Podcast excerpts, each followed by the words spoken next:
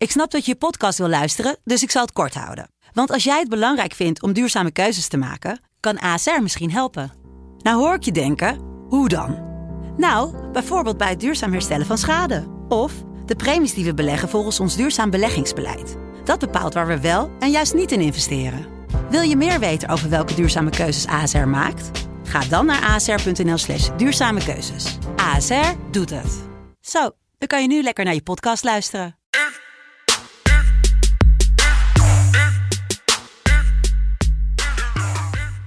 Guten Tag, Freunde und Frauleinen. Dit is de Bundesliga Betting Podcast van vrijdag 21 mei 2021. Ja, eigenlijk eh, eh, onderdeel aflevering 1 van de zes afsluitende podcasts van het weekend. Of van het seizoen. Jelle Kool, goedemorgen. Ja, goedemorgen. Het is, ehm, het is maar wat. Zes. We hebben er vandaag dus, we, even kijken, want we hebben vandaag de Bundesliga en La Liga. Dan hebben we morgen de Premier League en de Nederlandse, de, de, de play of play-in podcast. En dan hebben we zondag nog de Ligue 1 en de Serie A. Lekker. Ja, is zeker lekker. Het is, het is heel veel. Maar het is ook wel allemaal, dit is, dit is, dit is waar het voor doet. Hier worden de laagste uitgedeeld. Hier komt het onderste uit het kan, onderste boven halen. Nederlandse spreekwoorden. Ehm, ja, ik heb er zin in. Ik heb er heel veel zin in. Nou, hoe we dat gaan doen, even uitleggen eh, hoe staat het ervoor in de competitie. En dan eh, hebben we drie wedstrijden natuurlijk uitgekozen die het meest belangrijke zijn voor dit afsluitende weekend. Dan beginnen we bij de Bundesliga natuurlijk. Bayern is al een tijdje kampioen en die heeft natuurlijk ook een Champions League ticket. Dat heeft ook Radenboelsport Leipzig, dat heeft ook Dortmund en dat heeft ook Wolfsburg voor de, lange, in de eerste lange tijd weer terug in de, in de Champions League. Um, Europa League, Eintracht Frankfurt en Bayern Leverkusen. Ja, en dan, uh, dan moeten we daarna gaan kijken wie pakt die zevende plek. Wie pakt de Conference League ticket in de Bundesliga? Dat, uh, dat zit tussen Union Berlin, tussen Gladbach en Stuttgart. Freiburg heeft een kleine kans, maar dan moeten heel veel teams verliezen. Um, Union Berlin eigenlijk de meeste kansen. Die speelt uh, tegen Radenbalsport Leipzig thuis. Um, ja, gaan we zo eigenlijk op, uh, op door. Degradatie, drie ploegen die nog steeds van spelen. Arminia Bielefeld, die heeft de grootste kans om erin te blijven. Die speelt, uh, even kijken, uit tegen Stuttgart. Dan hebben we Werder Bremen, die thuis speelt tegen Mönchengladbach. En Eins FC Köln, die thuis speelt tegen Schalke. Die op dit moment de slechtste papieren heeft, maar ook de makkelijkste wedstrijd heeft. Nou, dat was uh, uh, heel high level. Wat gaat gebeuren. En dan zou je zeggen, welke drie wedstrijden hebben we uitgekozen? Nou, we gaan kijken naar Werder Bremen Klappach. Dat is heel logisch. Stuttgart, Arminia Bielefeld. En we gaan beginnen bij Union Berlin tegen Radenbalsport Leipzig. Jelle, take it away. Ja, het is, uh, het, ik snap het is allemaal qua, qua percentages en hoe groot is die kans. Dat gaan we allemaal nog delen. Dat komt helemaal goed. Nou ja, kijk, in principe is het eigenlijk, het lijkt het heel logisch. Leipzig gaat deze wedstrijd gewoon winnen. Maar... Oh, wanneer, wat is de eerste laatste keer dat Leipzig heeft gewonnen? Ja, dat is al een tijdje geleden. Dat is al nou. vier wedstrijden geleden namelijk. En ze spelen ook nergens meer voor. Want ja, kijk, als jij het heel goed doet in Duitsland, dan moet je dat niet in het begin van het seizoen doen. Dan moet je dat niet in het middenste gedeelte van het seizoen doen. Dan moet je dat het hele seizoen doen, want Bayern München. Ja, Leipzig had een flinke voorsprong, op een gegeven moment 7, 8 punten. Ja, en eerst stortte Dortmund in en daarna Leipzig. En er is maar één ploeg die dan niet instort. En dat is Bayern München. Uh, waar bij München eigenlijk het spitsen totaal niet het probleem zijn. Want daar hebben ze Lewandowski, is dat bij, uh, bij Leipzig wel zo. Sorlot en Palsen. Beide, nou ja, soort 50-50 een aantal wedstrijden dat ze hebben gekregen. Allebei maar vijf goals gemaakt. Uh, als je gaat kijken naar de twee middenvelders, Sabitzer en Forsberg, een beetje de twee aanvallende teams. 15 doelpunten samen, 8 en 7. Dus die scoren eigenlijk gewoon meer dan de spitsen. ja, als je dan gaat kijken is het ook niet heel gek, want Leipzig heeft nou ja, in de middenmoot scoren ze meer doelpunten dan Leipzig. Alleen Leipzig wordt heel weinig gepasseerd, want ze hebben Gulaski op doel, de Hongaar. Uh, ja, die heeft 30 doelpunten tegengelaten. Dat, ja, dat is gewoon niet zoveel. En daardoor word je tweede. Als we gaan kijken naar Union, die doen het eigenlijk heel goed. Zijn dus hun tweede jaar in de Bundesliga. Uh, ze hebben natuurlijk een raar seizoen hiervoor gehad met uh, het coronaseizoen, maar daar bleven ze erin. En nu doen ze het veel beter dan de grote broer uit Berlijn, Hertha. Want zo simpel is het.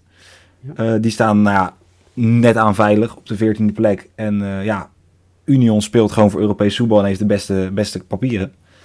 Ehm, dan zeg je ja, maar ja, Leipzig uit. Leipzig uit presteert niet goed. En als we gaan kijken naar Union. Union verloor thuis het hele seizoen maar één keer. Uit acht keer. Dus thuis de beste papieren. Union. Ja, het, is, het ziet er steeds beter uit. En wat ook er goed uitziet, is dat Max Kruse weer terug is. En die scoorde er gewoon 10. En gaf 5 assists in 21 wedstrijden. Want dat was de helft van het seizoen geblesseerd. Ja. Dus ja, dan is de vraag aan jou, Mike.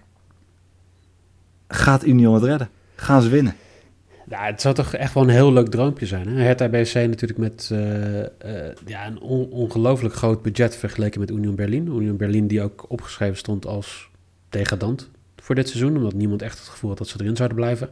Ja, dat je gewoon Europees voetbal zou kunnen halen. Dat is toch gewoon echt een, een, een droom. Nou hebben ze daar in principe al twee kansen toe gehad. Want ze hadden twee weken geleden van Wolfsburg kunnen winnen. Hebben ze niet gedaan. Ze hadden vorige week van Bayer Leverkusen kunnen winnen. Hebben ze ook niet gedaan.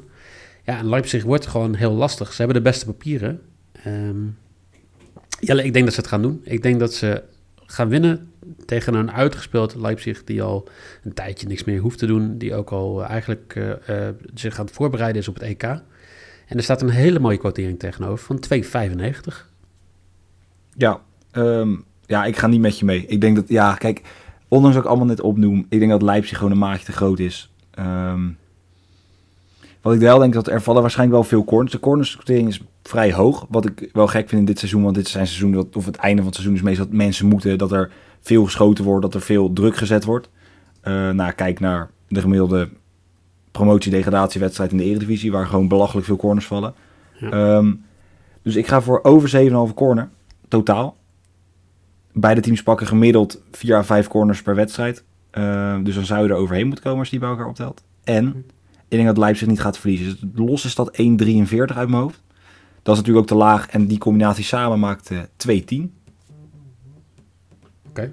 lekker. Dus dat is, uh, ja, een mooie.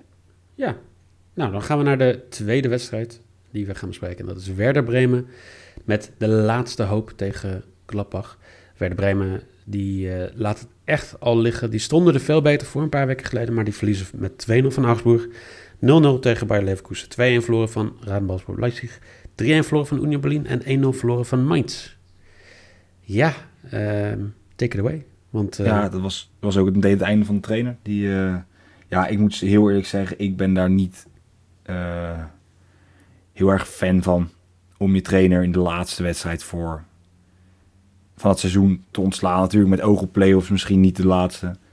Maar ik bedoel, Werder begon enorm goed. Stonden eigenlijk na acht wedstrijden op een vijfde plek. Uh, 13 punten, wat niet heel veel lijkt. Maar ze speelden vijf keer gelijk, waaronder ook tegen Bayern München. Um, daarentegen ja, begon enorm zwak aan het seizoen. Beetje deden onderin mee, terwijl ze juist in de Champions League... Uh, voor mij van Madrid twee keer wonnen. Eén keer wonnen. In ieder geval, ze zaten in de lastigste pool. Uh, met Shakhtar, met. En daar zijn ze als tweede doorgegaan. Nou, uiteindelijk kwamen ze daardoor tegen Manchester City, wat dan ja, niet heel gunstig is, om het maar zo te zeggen. Um, daar gingen ze er vrij kansloos uiteindelijk uh, over twee wedstrijden vanaf. Uh, maar ja, redelijk opgeklommen. Nu dus kans op de Conference League.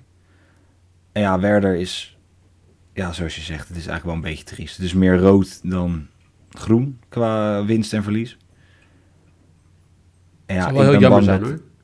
Het zou, het, zou erg, het zou echt zonde zijn. Zeker ook doordat ze redelijk goed begonnen. Maar ja, ze hebben natuurlijk zijn al de laatste seizoenen zijn zo aan het vechten. Vorig jaar met Klaassen.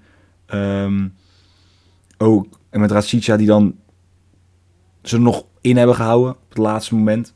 Uh, mm. Voor mij wonnen, speelden ze 3-2 wonnen ze uiteindelijk. In de laatste wedstrijd waardoor ze doorgingen. Of in ieder geval erin bleven.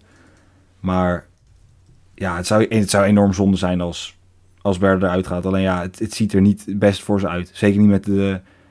Ja, ik, ja, het is ook... Kijk, ik vind het lastig. Ik weet niet, het is nu helemaal geen vastigheid meer hebben nu. Je hebt, normaal had je die trainer waarvan je nog weet, die weet wat je gaat doen. En nu als speler moet je in een week gaan voorbereiden met een nieuwe trainer. Ja, maar dat, um, maakt, dat maakt er niet heel veel uit. Dat, dat gaat er niet, hij gaat niet een hele andere speelstijl in, uh, inbrengen of zo. Nee, maar dan vraag ik me ook af waarom je dan het alsnog ja, doet als je het toch niet helemaal anders gaat doen. Kijk, ik ja. vind het zeker kijk, als je drie wedstrijden of vier wedstrijden voor het einde doet, ala. Prima. Maar één wedstrijd voor ja, dan moet ja, Dan denk ik dat je gewoon Nee, eerder als club gewoon moet zeggen... jongens, we gaan nu allemaal bij elkaar. Dan huur je een plaatselijk gymzaaltje af. En dan schreeuw je ze gewoon helemaal wakker of zo. Ja, maar ik, dit, ja, dit is voor mij niet de manier waarvoor ik zou zeggen... dit, is, dit zou werken. Ik zou het niet doen als ik eh, in de clubleiding zat. Maar heeft Werder voor jou een kans of eh, ga je iets anders betten? Mm, ik eh, vind het lastig, want er komt natuurlijk wel altijd wat, wat vrij in zo'n laatste wedstrijd. Zeker nu ook, ja, het is 50-50 verdeeld. Dus qua- ze hebben allebei hele andere belangen. Kijk, want ja, als Gladbach het niet doet, ja, hebben ze prima Champions League inkomsten gehad.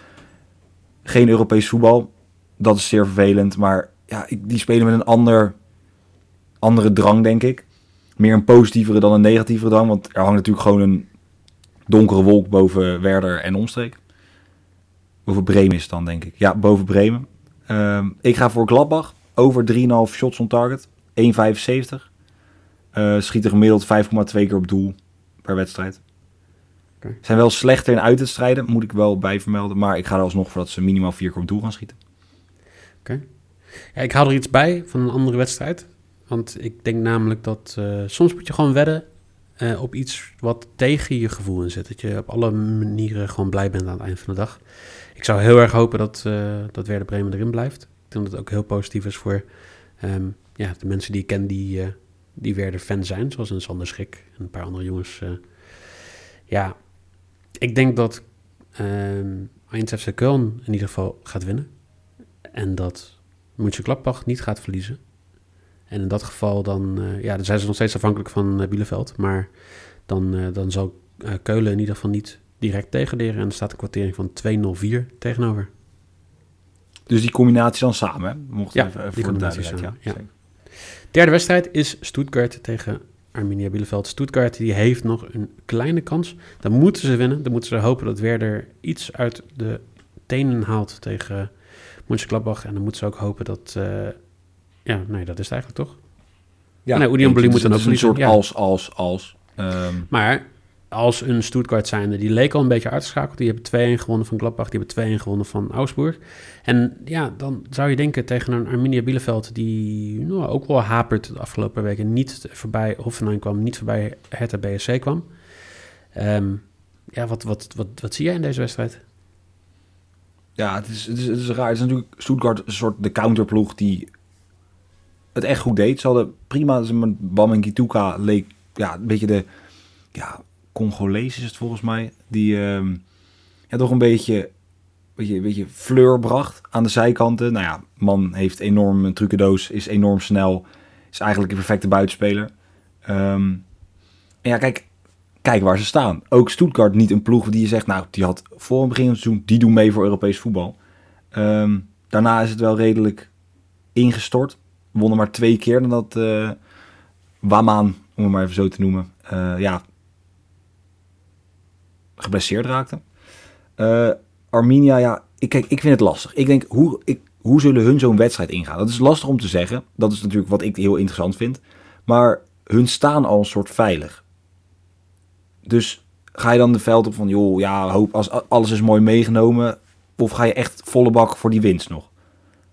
Want een Werder zal die moeten, dus die zullen een andere instelling hebben dan een Arminia die daar eigenlijk al veilig staat, toch?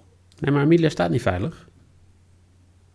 Nee, ze staan niet veilig als in ze moeten winnen. Maar als, er, als Werder en Keulen allebei verliezen of gelijk spelen, dan Ja, zijn ze wel veilig. zo. Ja, dan wel, ja. Dus op die manier ga je er natuurlijk wel anders in.